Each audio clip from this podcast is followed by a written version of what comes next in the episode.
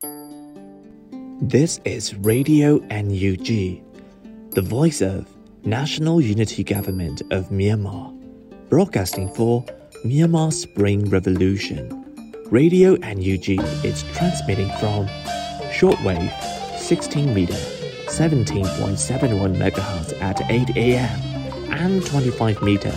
11.965 megahertz at 8 p.m. Myanmar Standard Time. မင်္ဂလာပါခင်ဗျာအမျိုးသားညီညွတ်ရေးအစိုးရရဲ့အတန်လွင့်ဌာန Radio NUG ကိုမနက်၈နာရီမှလိုင်းတို16မီတာ7.3 MHz ညပိုင်း၈နာရီမှလိုင်းတို25မီတာ17.665 MHz တို့မှာဓာတ်ရိုက်ဖမ်းယူနားဆင်နိုင်ပါပြီမင်္ဂလာအပေါင်းနဲ့ပြည့်စုံကြပါစေအခုချိန်ကစပြီး Radio NUG အစီအစဉ်တွေကိုဓာတ်ရိုက်အတန်လွှင့်ပေးနေပါပြီ။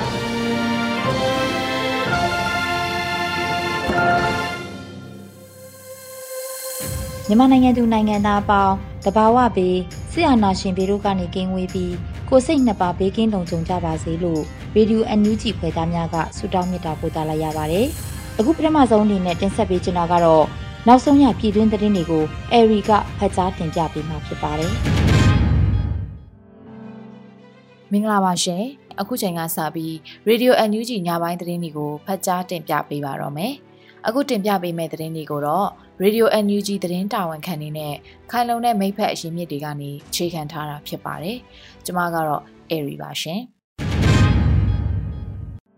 ပထမဆုံးအနေနဲ့လောင်းလုံးမှာအမျိုးသား2ဦးအမျိုးသမီး2ဦးကိုစက္ကစတက်ကထပ်မံဖမ်းဆီးခဲ့တဲ့တဲ့တင်ကိုတင်ပြပေးခြင်းပါတယ်။တနင်္သာရီတိုင်းလောင်းလုံးမြို့နယ်ကမျောကြီးရွာနဲ့တာယာကုန်းရွာတွေမှာအမျိုးသမီး2ဦးနဲ့အမျိုးသား2ဦးစုစုပေါင်း4ဦးကိုစစ်ကောင်စီတပ်ကဖမ်းဆီးသွားတယ်လို့သိရပါဗျ။ ဒီဇင်ဘာလ29ရက်ည9:00နာရီခွဲအချိန်လောက်ကကမျောကြီးရွာမှာရှိတဲ့ဦးထေးဝင်းဆိုသူရဲ့နေအိမ်ကိုစစ်ကောင်စီတပ်ကဗီဂိုကားနှစ်စီးနဲ့ရောက်လာပြီးရှာဖွေစစ်ဆေးပြီးပြန်ထွက်သွားကြောင်းအဲဒီနောက်မှာဦးထေးဝင်းအိမ်နဲ့မျက်နှာချင်းဆိုင်အိမ်ကကိုအာကဖြိုးဆိုသူကိုထပ်မံဝင်ရောက်ဖမ်းဆီးခဲ့ကြောင်းဒေသခံကပြောပါတယ်။ကိုအာကဖြိုးကသူ့ကိုလက်ထိတ်ခတ်ပြီးအိမ်ရှိထွက်လာတော့ထွက်ပြေးသွားတယ်။နောက်ကစစ်သားတွေကတနက်နဲ့လိုက်ပစ်တာလူတော့လွတ်သွားတယ်လို့ဒေသခံကပြောပါတယ်။ အဲဒီနောက်စစ်ကောင်စီတပ်ဟာတာယာကုန်းရွာမှာရှိတဲ့ဆိုင်ကယ်ပြည်ပင်ရေးလောက်ကင်သူကိုအောင်ကိုဖြိုးကိုဝင်ရောက်ဖမ်းဆီးသွားကြောင်း၎င်းကထပ်မံပြောဆိုပါတယ်။ထပ်မံပြီးစစ်ကောင်စီတပ်ဟာဒီဇင်ဘာလ30ရက်နေ့မနက်4နာရီခန့်ကလည်းကိုအာကဖြိုးရဲ့အမျိုးသမီးဖြစ်သူကိုထပ်မံလာရောက်ဖမ်းဆီးသွားကြောင်းဒေသခံကပြောပါတယ်။လက်ရှိမှာဦးထေဝင်း ဒေါ်ညိုပြကိုအာကာဖြိုးရဲ့အမျိုးသမီးနဲ့ကိုအောင်ကိုဖြိုးတို့လေးဦးကိုလက်နက်ကိုင်အဖွဲ့အစည်းတစ်ခုနဲ့အချိတ်ဆက်ရှိတယ်ဆိုတဲ့ဆွဆွဲချက်နဲ့လာရောက်ဖမ်းဆီးတာဖြစ်တယ်လို့သိရပါတယ်။အဆိုပါဖမ်းဆီးခံရသူလေးဦးကိုတဝဲမြို့ခရိုင်စစ်ကြောရေးကိုဖမ်းဆီးခေါ်ဆောင်သွားတယ်လို့လည်းသိရပါတယ်ရှင်။ဆက်လက်ပြီးဟိုပုံးမြို့မှာ COVID-19 ပိုးရှိသူ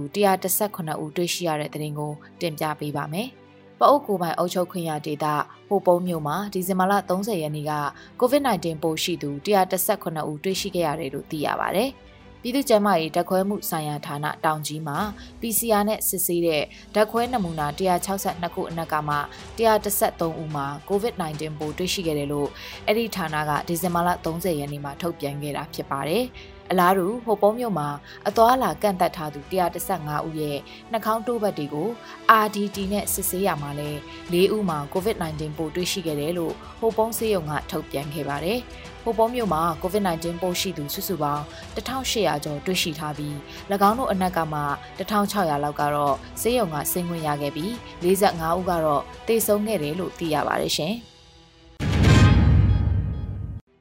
ဆက်လက်ပြီး တနင်္သာရီတိုင်းမှာနိုင်ငံရေးလှုပ်ရှားသူတွေကိုဖမ်းဆီးမှုအခုနှစ်ကုန်ပိုင်းအတွင်းပိုများလာတယ်ဆိုတဲ့သတင်းကိုတင်ပြပေးခြင်းပါတယ်။တနင်္သာရီတိုင်းမှာမြန်မာစစ်တပ်ရဲ့လက်အောက်ခံအဖွဲ့တွေကနိုင်ငံရေးတက်ကြွလှုပ်ရှားတဲ့လူငယ်တွေကိုဖမ်းဆီးမှုတွေအခုနှစ်ကုန်ဒီဇင်ဘာလအတွင်းမှာပိုမိုများပြားလာတယ်လို့ဒေသခံတွေစီကနေသိရပါတယ်။တနင်္သာရီတိုင်းတဝယ်မြို့ကညုံရက်ကွက်တီတာလမ်းမှာရှိတဲ့နေအိမ်တစ်လုံးကို ဒီဇင်ဘာလ29ရက်နေ့ညနေ3နာရီမှာမြန်မာစစ်တပ်လက်အောက်ခံအဖွဲ့တွေကဝင်ရောက်စီးနင်းပြီးအမျိုးသားတအုပ်ကိုဖမ်းဆီးသွားခဲ့တယ်လို့ဖမ်းဆီးခံရသူရဲ့မိသားစုဝင်တအုပ်ကပြောပါတယ်။မနေ့ညနေ3နာရီလောက်ကပေါ့အရက်ကားဗီကိုနဲ့အင်အားက20ကျော်တယ်။အဲ့ဒါအိမ်ကိုအတင်းဝင်ဖို့လုပ်နေတော့အကိုကအပြင်ထွက်ဖို့လုပ်နေတဲ့အချိန်မှာပဲလက်ထိတ်ခတ်ပြီးဖမ်းခေါ်သွားတာ။ဘယ်ကိုခေါ်သွားလဲဆိုတာတော့မသိရသေးဘူးလို့အဆိုပါမိသားစုဝင်ကပြောပါတယ်။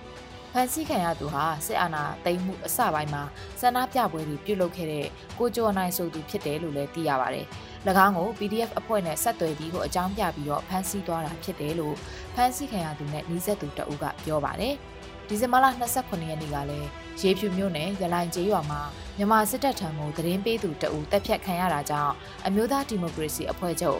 NLD ပါတီရဲ့ရက်ကြီးဥက္ကဋ္ဌနဲ့အဖွဲ့ဝင်3ဦးတို့ကိုမြန်မာစစ်တပ်လက်အောက်ခံအဖွဲ့တွေကဖမ်းဆီးခဲ့ပါသေးတယ်။ဖမ်းဆီးခံရသူတွေကတော့ရလိုက်ကြီးရွာ NLD ရက်ကြီးဥက္ကဋ္ဌဦးတင်စိုး အဖွဲ့ဝင်ဦးနေစန်းလင်းနဲ့ကိုဝေရနိုင်ဆိုသူတို့ဖြစ်ပြီး၎င်းတို့ကိုရေဖြူရဲစခန်းမှာဖမ်းဆီးထိန်းသိမ်းထားတယ်လို့ဒေသခံတွေစီကနေသိရပါဗျ။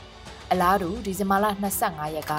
ဒဝယ်မြို့ပနွဲတော်ရက်ကွက်မှာနေထိုင်တဲ့လူငယ်တဦးကိုလည်း၎င်းနေထိုင်ရာနေအိမ်အတွင်းသို့စစ်တပ်လက်အောက်ခံအဖွဲ့တွေကအင်အားအလုံးရင်းနဲ့ဝင်ရောက်ဖမ်းဆီးခဲ့ပြီးဒီဇင်ဘာလ23ရက်ကလည်းလူငယ်2ဦးကိုဖမ်းဆီးမှုတွေရှိခဲ့တယ်လို့သိရပါဗျ။ ဒါအပြင်ဒီဇင်ဘာလ24ရက်နေ့မနက်ပိုင်းမှာလောင်းလုံမြို့နယ်လောင်းလုံးစမ်းလှမ်းရွာလမ်းမြစ်မိုလက်ခတ်တောင်လမ်းမှာအမျိုးသားတအူးကိုလက်နက်တွေပါလာတယ်လို့ဆိုပြီးအဲ့ဒီနေရာမှာတက်ဆွဲနေတဲ့မြန်မာစစ်တပ်ကပြစ်ခတ်တာကြောင့်တေဆုံးခဲ့ရတယ်လို့အဆိုပါရွာမှဒေသခံတအူးကပြောပါတယ်ဖြစ်တာကမနဲ့စောစောပဲတနက်ပြစ်တန်ကြားလို့ကြည့်လိုက်တော့ကောင်လေးတယောက်လဲပြီးတေးနေတယ်လို့ပြောတယ်။အဲ့ဒီစစ်တပ်ကသူတွေကသူ့မှာလက်နက်ပါလို့ပြစ်လိုက်တာလို့ပြောတယ်။ကောင်လေးကရာဘာချန်လုပ်သားတအူးပါ သူ့အလောင်းကိုတော့ဆေးရုံကိုတည်သွားတာတွေ့ခဲ့ရတယ်လို့ဒေသခံတအူးကပြောပါတယ်။တနင်္လာရီတိုင်းတဝဲထောင်မှာလဲနိုင်ငံရေးပုံမှန်905ကကြီးနဲ့စစ်ကောင်စီရဲ့တရားစွဲဆိုမှုကိုခံထားရသူတွေကမှအော်တိုဘာလ18ရက်နေ့မှာလူငင်းချမ်းသာခွင့်နဲ့ကြား24ဦးမ4ဦးလွတ်မြောက်ခဲ့ပြီးလက်ရှိမှာလူဦးရေ200ကျော်ကတော့အမှုရင်ဆိုင်နေရဆဲဖြစ်တယ်လို့သိရပါတယ်ရှင်။ဆက်လက်ပြီး မောင်တော်မြို့နယ်ကကျမ်းမာရေးဝန်ထမ်းတအုပ်မှာကိုဗစ်ပိုးတွေ့ရှိရတဲ့တဲ့တင်ကိုတင်ပြပေးချင်ပါတယ်။ဒီဇင်ဘာလ30ရက်နေ့ကရခိုင်ပြည်နယ်မောင်တော်မြို့နယ်ကကျမ်းမာရေးဝန်ထမ်းတအုပ်ထံမှာကိုဗစ်ပိုးစစ်ဆေးတွေ့ရှိရတယ်လို့သိရပါတယ်။ကိုဗစ်ပိုးတွေ့ရှိတဲ့အမျိုးသမီးကကျမ်းမာရေးဦးစီးဌာနကဖြစ်ပြီးလက်ရှိမှာမောင်တော်မြို့နယ်စေယုံမှာစေကုသမှုခံယူနေတယ်လို့မောင်တော်စေယုံအုပ်ကပြောပါတယ်။ဒီနေ့ကျမ်းမာရေးဝန်ထမ်းအမျိုးသမီးတအုပ်မှာကိုဗစ်ပိုးတွေ့တယ်။သူကပြည်သူ့ကျမ်းမာရေးကပါကျမ်းမာရေးအခြေအနေကတော့ကောင်းပါတယ်။ သူကသားဖွားဆရာမတဦးပါလို့ပြောပါတယ်။ရခိုင်ပြည်နယ်မှာအခုနှစ်နိုဝင်ဘာလကစလို့ဒီဇင်ဘာလ16ရက်နေ့အထိကိုဗစ်ပိုးတွေ့ရှိရသူ38ဦးရှိပြီးသေဆုံးသူ2ဦးရှိခဲ့တယ်လို့ရခိုင်ပြည်နယ်ကိုဗစ်စောင့်ကြည့်ရေးအဖွဲ့ရဲ့ထုတ်ပြန်ချက်အရသိရပါတယ်။ဒီဇင်ဘာလ1ရက်နေ့ကနေ16ရက်နေ့အတွင်းမှာဘင်္ဂလားဒေ့ရှ်ကနေကုံသွယ်ပြီးပြန်လာတဲ့စစ်တွေမျိုးရွှေမင်းကန်ကုံသွယ်ရေးစိတ်ကမ်းကဆက်လီသမား15ဦးနဲ့လေကြောင်းနဲ့ခရီးသွားမဲ့ခရီးသည်17ဦးတို့မှာကိုဗစ်ပိုးတွေ့ရှိခဲ့တာဖြစ်ပါတယ်။ ရခိုင်ပြည်နယ်မှာကိုဗစ်ပိုးစစ်ဆေးတွေ့ရှိနေရဆဲဖြစ်ပေမဲ့လည်းကိုဗစ်စည်းကမ်းချက်တွေကိုလိုက်နာမှုအားနည်းလျက်ရှိကြောင်းဝေဖန်မှုများလည်းရှိနေပါတယ်။ကိုဗစ်ကတဖြည်းဖြည်းနဲ့ပိုပြီးကူးစက်ပြန့်ပွားမှုကတိုးလာတဲ့အနေအထားကိုတွေ့ရတယ်။ ဒီအနေအထားမှာလည်းအဓိကပြဿနာကပေါ်ဆမှုနဲ့ဆိုင်မယ်လို့ထင်တယ်။ဘာလို့လဲဆိုတော့ကိုဗစ်ကူးစက်တဲ့တောက်လျှောက်မှာအဓိကတာဝန်ယူဆောင်ရွက်တဲ့သူတွေအနေနဲ့ကလည်းအရန်ကြီးအလေးထားပြီးတော့ကူးစက်ပြန့်ပွားမှုဆိုင်ရာတားဆီးကာကွယ်ရေးလုပ်ငန်းတွေကိုကြဲကြဲပြန့်ပြန့်နဲ့အများကြီးထိထိရောက်ရောက်မလုပ်နိုင်ခဲ့လို့အခုလိုမျိုးပြန်ပြီးတော့ကြုံရတာဖြစ်တယ်လို့ရခိုင်ရှေ့ဆောင်အမျိုးသမီးများအဖွဲ့ကတာဝန်ရှိသူတအူးကပြောပါတယ်။လက်ရှိမှာ UAE နိုင်ငံဒူဘိုင်းမြို့ကပြန်လည်ဝင်ရောက်လာတဲ့မြန်မာနိုင်ငံသား၄ဦးမှာကိုဗစ်ရောဂါမျိုးရိုးဗီဇပြောင်း Omicron ပိုးစစ်ဆေးတွေ့ရှိထားရကြောင်းစစ်ကောင်စီလက်အောက်ခံကျန်းမာရေးဝန်ကြီးဌာနကဒီဇင်ဘာလ28ရက်နေ့ကသတင်းထုတ်ပြန်ထားပါတယ်ရှင်။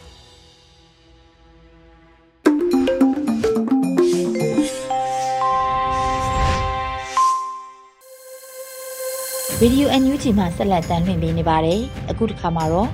NUG ဆိုရဖွဲ့ဝင်ပြည်ထောင်စုဝန်ကြီးများရဲ့2022ခုနှစ်အတွက်နှစ်သစ်ဆုတောင်းစကားသံများကိုနားဆင်ကြရမှာဖြစ်ပါတယ်။ ဒီနေ့ရဲ့စကားသံစီစဉ်မှာတော့ဒေါက်တာဝင်းမြတ်အေနိုင်သူဝနနဲ့ဦးစိုးသူရထွန်းတို့ရဲ့စကားသံတွေကိုနားဆင်ကြရတော့မှာဖြစ်ပါတယ်ရှင်။ပြည်ရင်းပြည်ပပြည်သူပေါင်းကိုနှုတ်ခွန်းဆက်တာပါတယ်။ဆရာနာရှင်တို့ရဲ့မတရားနိုင်ထက်စီနင်းအာဓမလုပ်ရက်ကိုဘယ်ပြည်ပနိုင်ငံအထောက်ပံ့ကိုမှမရရှိသေးပဲပြည်သူအားနဲ့ဆန့်ကျင်တော်လှန်ခဲ့ကြတာ2021ခုနှစ်ကုန်ဆုံးချိန်ရောက်ရှိလာပြီဖြစ်ပါတယ် ဒီတော်လှန်ရေးဟာခစ်ပြောင်းမဲ့တော်လှန်ရေးလူသားဆန်မှုပြတဲ့တော်လှန်ရေးဓမ္မဘက်ပြက်ပြက်တတာရက်ထားတဲ့တော်လှန်ရေးအနာဂတ်လူငယ်တွေဒီလိုအဖြစ်ဆိုးမျိုးထပ်မကြုံရအောင်ဆရာနာရှင်စနစ်ကိုအမြင့်ဖြတ်မဲ့တော်လှန်ရေးတိုင်းသားလက်နက်ကိုင်အဖွဲ့အစည်းအများစုနဲ့ပြည်သူများတသားတဲ့လက်တွဲညီညွတ်ကြတဲ့တော်လှန်ရေး Federal စနစ်ကိုထူထောင်နိုင်ဖို့အခွင့်အခါကောင်းအတွက်အချိန်ကိုက်ပေါ်ပေါက်လာတဲ့တော်လှန်ရေးဖြစ်တယ်2021ခုနှစ်မှာပြည်သူတွေကြုံခဲ့ကြရတဲ့အဖြစ်ဆိုးမျိုးတွေ2022မှာမကြုံကြရဖို့ အဓိကဆူတောင်းပါတယ်ဒါပေမဲ့ဆီအာနာရှင်တို့ရဲ့ရက်ဆက်ကြမ်းကြုတ်မှုတွေဟာသူတို့ရှိနေတွေ့ကြုံကြရအောင်ပါပဲဒီတော်လှန်ရေးဟာဆီအာနာရှင်ချုပ်ငိမ့်ပြီးစစ်မှန်တဲ့ Federal Democracy စနစ်မဖြစ်မနေရရှိမဲ့တော်လှန်ရေးဖြစ်တယ်ဒါကြောင့်အခုဆင်နွှဲနေတဲ့ပြည်သူတော်လှန်ရေးမှာပြည်သူတူးချင်းကမိမိတက်ဆွမ်းတဲ့ဘက်ကညံအမျော်မြင်ရှိရှိပါဝင်ကြပါလို့တိုက်တွန်းလိုက်ပါတယ်ပြည်သူအပေါင်း2022နှစ်သက်မှာ ဘေးကင်းလုံခြုံကြပါစေအရေးတော်ပုံမူချအောင်ရမည်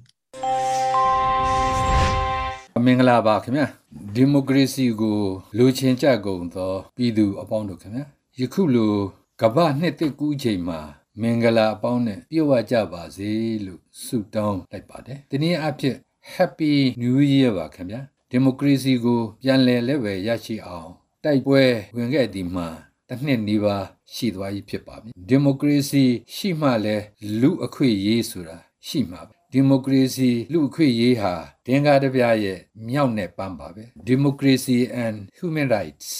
are just like the head and tail of a coin မဟုတ်ပါလားခင်ဗျာဒါကြောင့်မလျော့သော လုံလနဲ့ဆက်လက်တိုက်ပွဲဝင်ဖို့တတိပေးနေရခြင်းပဲဖြစ်ပါတယ် ဒီလိုတိုက်ပွဲတိုက်တဲ့အခါမှာလည်းပဲမိမိကိုယ်ကိုကာကွယ်တဲ့နည်းနဲ့ဖြစ်ဒီမိုကရေစီနည်းဟူတော်၎င်းမိမိကိုယ်ကာကွယ်တဲ့လက်နက်ကိုကင်ပြီးတော့က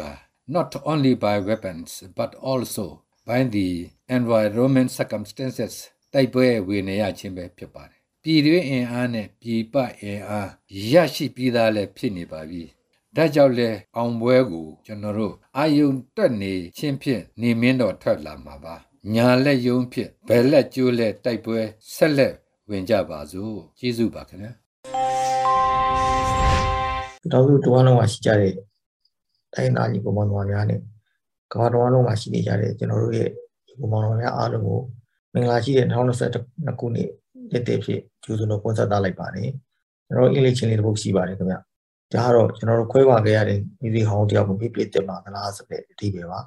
ဒီတိုင်းမှာပဲကျွန်တော်တို့က2021ခုနှစ်ကကျွန်တော်တို့အတွက်စိတ်လူရှားဝယ်တွေစိတ်မချမ်းမြေဝယ်တွေနာဝမ်းနဲ့နာကျင်မှုတွေနဲ့ကြုံရတာတွေလည်းရှိပါတယ်ဒါပေမဲ့ဒီတိုင်းထဲမှာပဲအဲ့ဒီနှစ်ထဲမှာကျွန်တော်ကလွန်ခဲ့တဲ့နှစ်ပေါင်း90အတွင်းမှာမရှိခဲ့တဲ့ကျွန်တော်တို့တိုင်းသားညီကိုတွေရဲ့ချစ်ခင်လေးစားမှုတွေယုံကြည်မှုတွေလူလက်တွဲဆောင်ရွက်မှုတွေကိုတည်ဆောက်နိုင်ခဲ့တာလည်းအမှန်ပဲဖြစ်ပါတယ်အဲ့တော့ကျွန်တော်တို့ဒီနေ့လာမယ့်2022ကိုကြိုဆိုကြတဲ့အချိန်မှာကျွန်တော်တို့ဟာအတူလက်တွဲကြရင်လည်း ကျွန်တော်တို့နိုင်ငံကြီးရဲ့ပုံပုံကောင်းမွန်တဲ့အနာဂတ်ကိုကျွန်တော်တည်ဆောက်နိုင်မယ်လို့လည်းယုံကြည်တယ်ကျွန်တော်တို့ရဲ့သားသမီးတွေအတွက်မွေတဲ့မွေကောင်းမွေးနှစ်ကောင်းတွေပေးနိုင်ခဲ့မယ်စိတ်ဓာတ်အမွေတွေတိုက်ပြီးအစ်ရဲ့အမွေတွေကိုလည်းပေးနိုင်ခဲ့မယ်လို့လည်းယုံကြည်ပါတယ်အဲ့တော့ကျွန်တော်တို့ဆက်လက်ပြီးကြိုးစားကြပါမယ်အားလုံးအရေးတော်အောင်ပါမယ်ခင်ဗျာ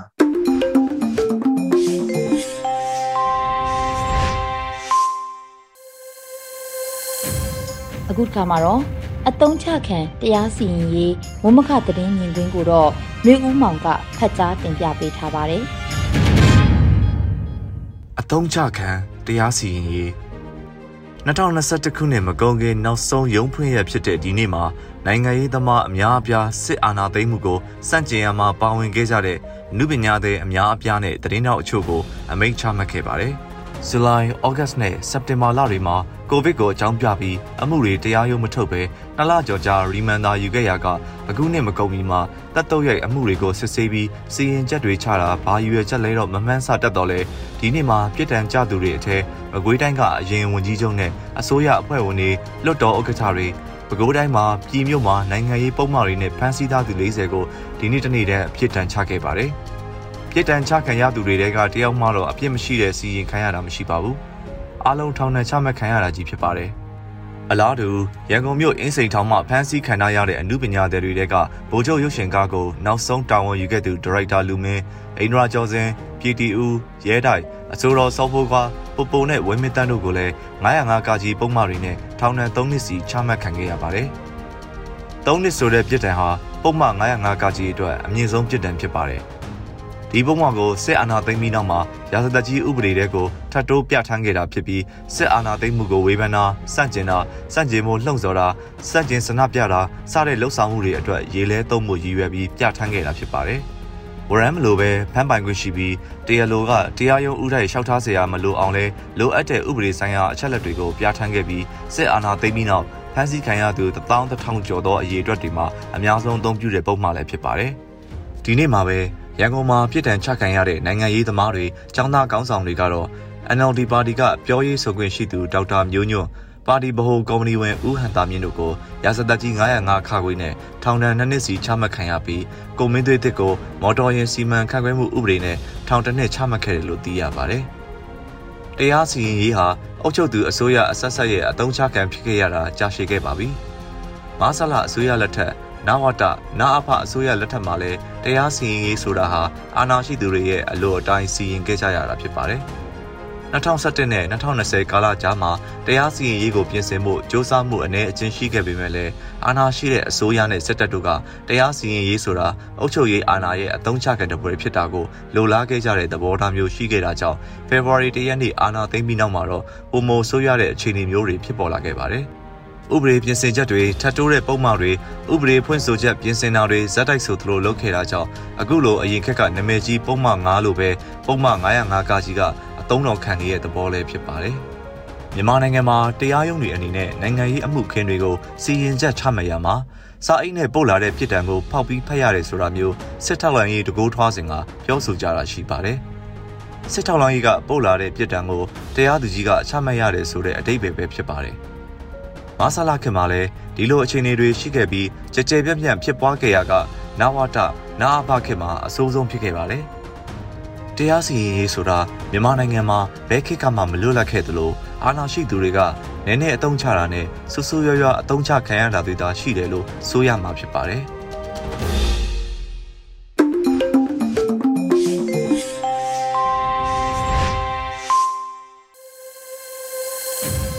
ဗီဒီယိုအန်ယူဂျီမှာဆက်လက်တန်လှည့်ပေးနေပါတယ်။အခုဆက်လက်ပြီးနားဆင်ကြရမှာကတော့တော်လှန်ရေးကြပြအစီအစဉ်ဖြစ်ပါတယ်။ဒီနေ့ရဲ့တော်လှန်ရေးကြပြအစီအစဉ်မှာမိစ္ဆာနှင်ပွဲလို့အမည်ရတဲ့တော်လှန်ရေးကြပြကိုလွတ်လပ်နေဦးကကိုရိုင်းရေးကိုရိုင်းဖတ်ကြားထားတာဖြစ်ပါတယ်ရှင်။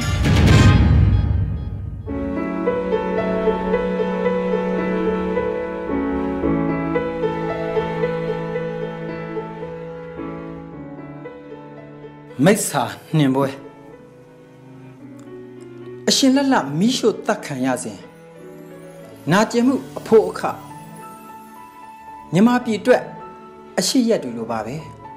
စိုးရိမ်ကြောင်းကြီးညာချက်ပဲပြန်ရလိုက်တယ်ဒီလိုလားအသက်တစ်ချောင်းတို့သုံးနှုံလေးရှိတဲ့စကားငါနားတဲ့ထိတ်လန့်မိတယ်ကဘာကြော်တဲ့တည်င်းဖရူဆိုမာ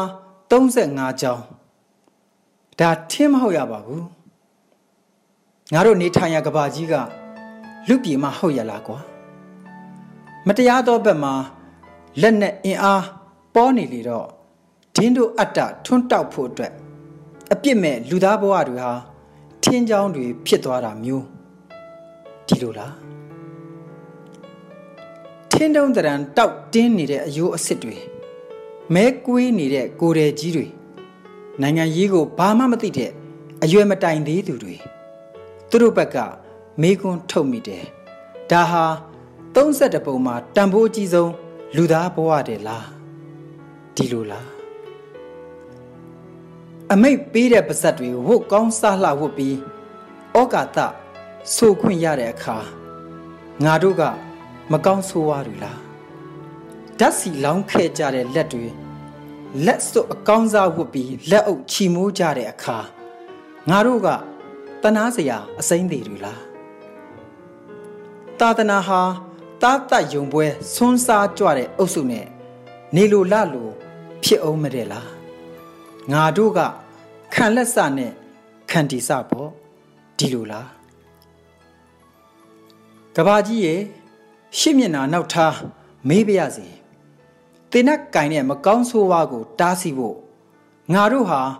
ထင်းမဟုတ်ပဲလောင်ကျွမ်းနေတဲ့လူပုံတွေကို တက်တည်အထောက်ထားဘယ်လောက်များများစုနေကြရအောင်ပါလေမီးငွေ့တလူလူဓာတ်ပုံတွေရိုက်လူနဲ့တညော်ညော်ရုပ်တံတွေရိုက်ထင်းလူလူလူလူလူအကောင်ထဲကြီးတွေကိုခြုံပုတ်ထဲမှာစရင်လိုက်ကောက်တက်သေးပြဖို့လို့ဒါဟာလွတ်လပ်တဲ့စုံစမ်းစစ်ဆေးရေးနဲ့အတူတရားဥပဒေနဲ့အညီဖြစ်ဖို့ပေါ့နော်ဒီလိုလားဓားကိုဓားချင်း တင်နတ်ကိုတနတ်ချင်းစီးချင်းထိုးတဲ့အခါရှင်ကြံရစ်သူကတရားတော်စစ်ဖြစ်စမြဲဆိုတာပညာလို့လိန်ထားတဲ့ဝါဒဖြန့်စာအုပ်တွေထဲဖတ်ခဲ့ရဘူးတယ်အဲ့ဓာတွေအလွတ်ကျက်နိုင်တော့စာတော်တဲ့ចောင်းသားပေါ့ငိမ့်ချမ်းတဲ့ပညာရေးပေါ့ဒီလိုလားပြောရင်းဆိုရင်တွေးခြင်းတို့ရေ ပရိတရစ်ခေတ်ဆက်ဆက်ကလူမျိုးတုံးတပ်ဖြတ်မှုတွေမြင်ရောင်မိပါရဲ့ဓာတ်ပုံရုပ်သံမမြင်ရပေမဲ့အာနာရှင်ကိုပက်ပင်းကြုံနေရပြီပဲငါတို့ကဒင်းတို့အတ္တအတွက်လောင်မြိုက်စရာထင်းမဟုတ်ကြောင်းလူပိတပြကြရတော့မယ်လူတွေဖြစ်ဖြစ်မိစ္ဆာတွေဖြစ်ဖြစ်ဟောဒီမီမှာကြံရစ်ပါစေဒီလိုဆုံးဖြတ် ပြတ်သားရမယ်လွတ်လပ်ຫນွေဦး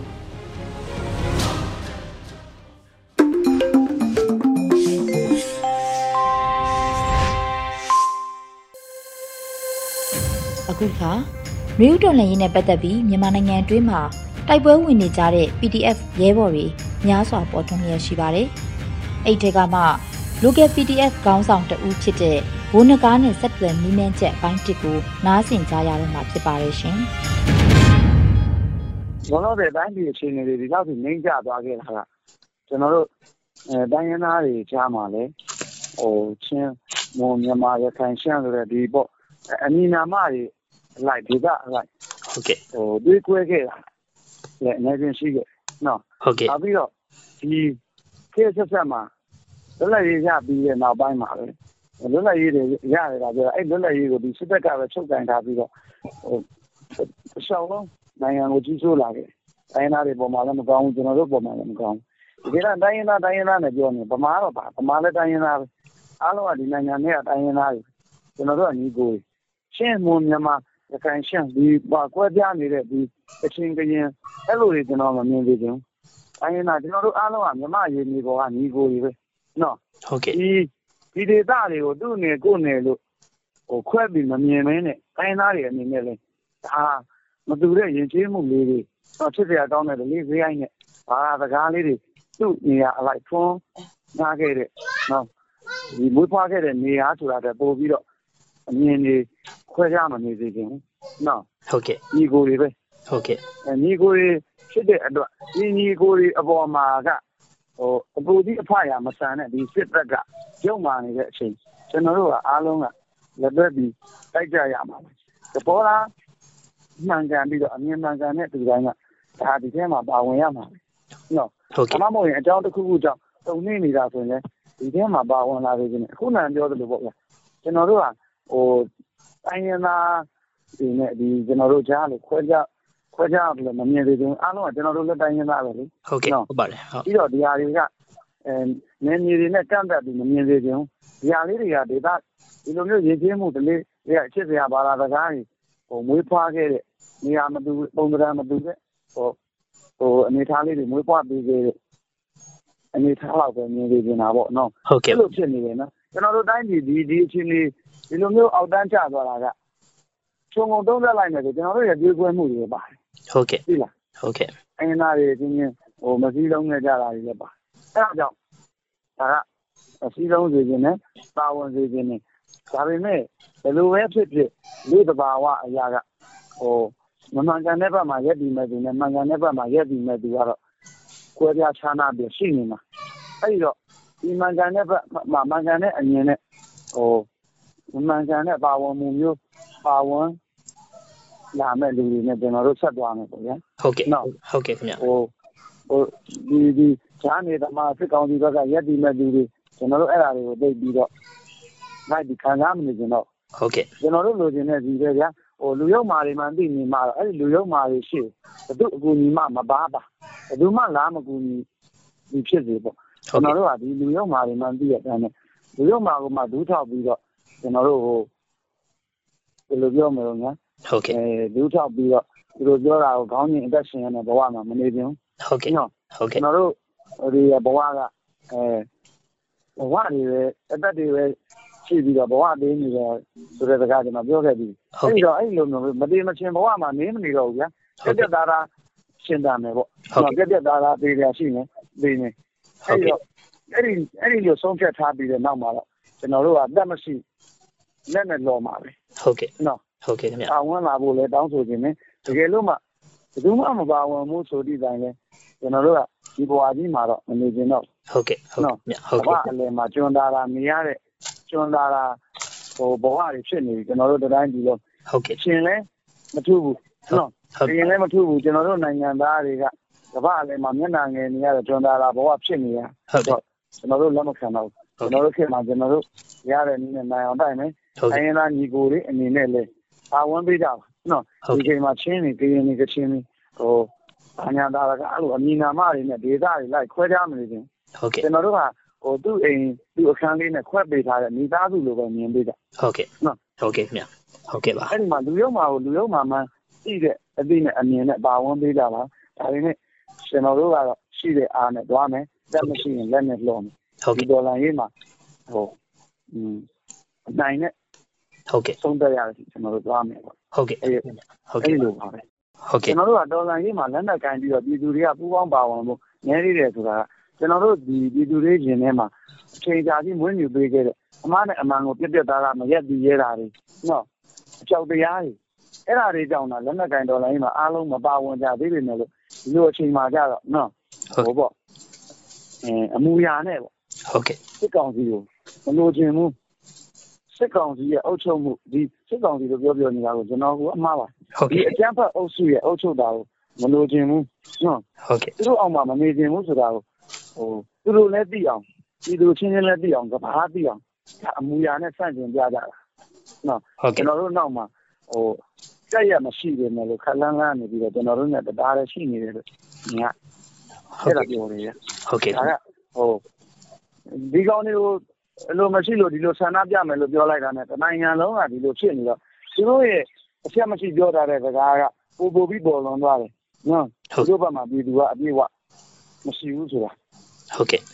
ပိုပြီးတော့ပြောပေါ့သူတို့ကမလိုလားဘူးဆိုတာလေဟုတ်ကဲ့ပြောပေါ့ဟုတ်အဲ့ကဲ့ဒါကဒေါ်လာကြီးတော့ခွန်အားဖြစ်စေပါတယ်ပြည်သူတွေကဟိုရှင်းအောင်ပြောရင်တော့ဟိုကျွန်တော်တို့မှန်ဒီဖြစ်စေမှားဒီဖြစ်စေပြည်သူအများစုကလိုလားနေတယ်ဆိုရင်ကိုပဲခေါင်းငိတ်နေရအောင်လားဟုတ်အခုကျွန်တော်တို့လုပ်နေတဲ့အလုပ်က နော်ပြည်သူတွေကသူတို့မပါနိုင်သေးဘူးဆိုရင်တော့မှပြည်သူတွေလက်ခံထားတဲ့အလုပ်မှန်ပြီးကျွန်တော်တို့မျက်နှာချင်းဆိုင်တိုက်ခိုက်နေရတဲ့လူကဒီဟာပြည်သူတွေတကယ်ကျော်တဲ့လူမှဖွဲ့ဒီမှန်ပြီးရအဲ့ဒီအတွက်ဟောငါတို့လုပ်နေတဲ့အလုပ်မမှားဘူးဆိုတာလည်းသိရတယ်ဟောဒီနေ့နေ့တစ်ချိန်ချိန်ကျရင်ပြည်သူတွေကျွန်တော်တို့နဲ့အတူတူလာရက်ကြလိုက်မယ်လို့ဆိုတော့ဟိုအတွေ့အမျိုးနဲ့မျိုးစုံမှာကွာရတယ်ဖြစ်ရဟုတ်ကဲ့ခင်ဗျာဟုတ်ကဲ့ဒီပါနေ့တည်းအမူအရာနဲ့ပြတာ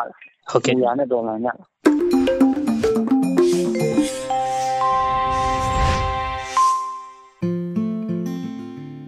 မိဘပြည်သူများခင်ဗျာ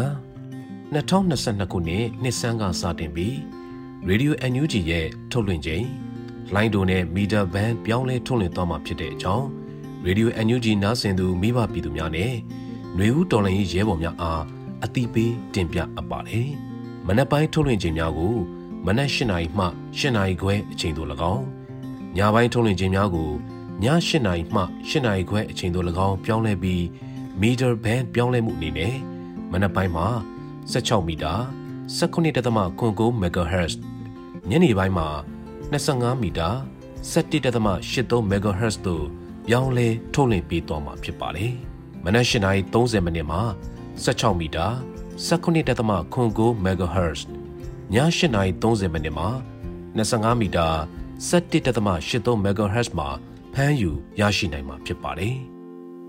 ဒီကနေ့ကတော့ဒီညနဲ့ပဲ Radio NUG ရဲ့အစီအစဉ်တွေကိုခਿੱတရနာလိုက်ပါမယ်။မြမစံတော်ချိန်မနက်၈နာရီနဲ့ညနေ၈နာရီအချိန်တွေမှာပြန်လည်ဆုံတွေ့ကြပါစို့။ Radio NUG ကိုမနက်၈နာရီမှာလိုင်းတို16မီတာ7.3 MHz ညပိုင်း၈နာရီမှာလိုင်းတို25မီတာ17.665 MHz တို့မှာဓာတ်ရိုက်ဖမ်းယူနားဆင်နိုင်ပါပြီ။မြန်မာနိုင်ငံသူနိုင်ငံသားများကိုယ်စိတ်နှပြချမ်းမာချမ်းသာလို့ ဘေးကင်းလုံခြုံကြပါစေလို့ Radio NUG အဖွဲ့သူအဖွဲ့သားများကဆုတောင်းလိုက်ရပါတယ်။အမျိုးသားညီညွတ်ရေးအစိုးရရဲ့စက်သွယ်ရေးတရင်အချက်အလက်နဲ့ဤပညာဝန်ကြီးဌာနကထုတ်လွှင့်နေတဲ့ Radio NUG ဖြစ်ပါတယ်။ San Francisco Bay Area အခြေစိုက်မြန်မာမိသားစုများနဲ့နိုင်ငံတကာကစေတနာရှင်များလှူအားပေးများရဲ့ Radio NUG ဖြစ်ပါတယ်။အရေးတော်ပုံအောင်ရမည်။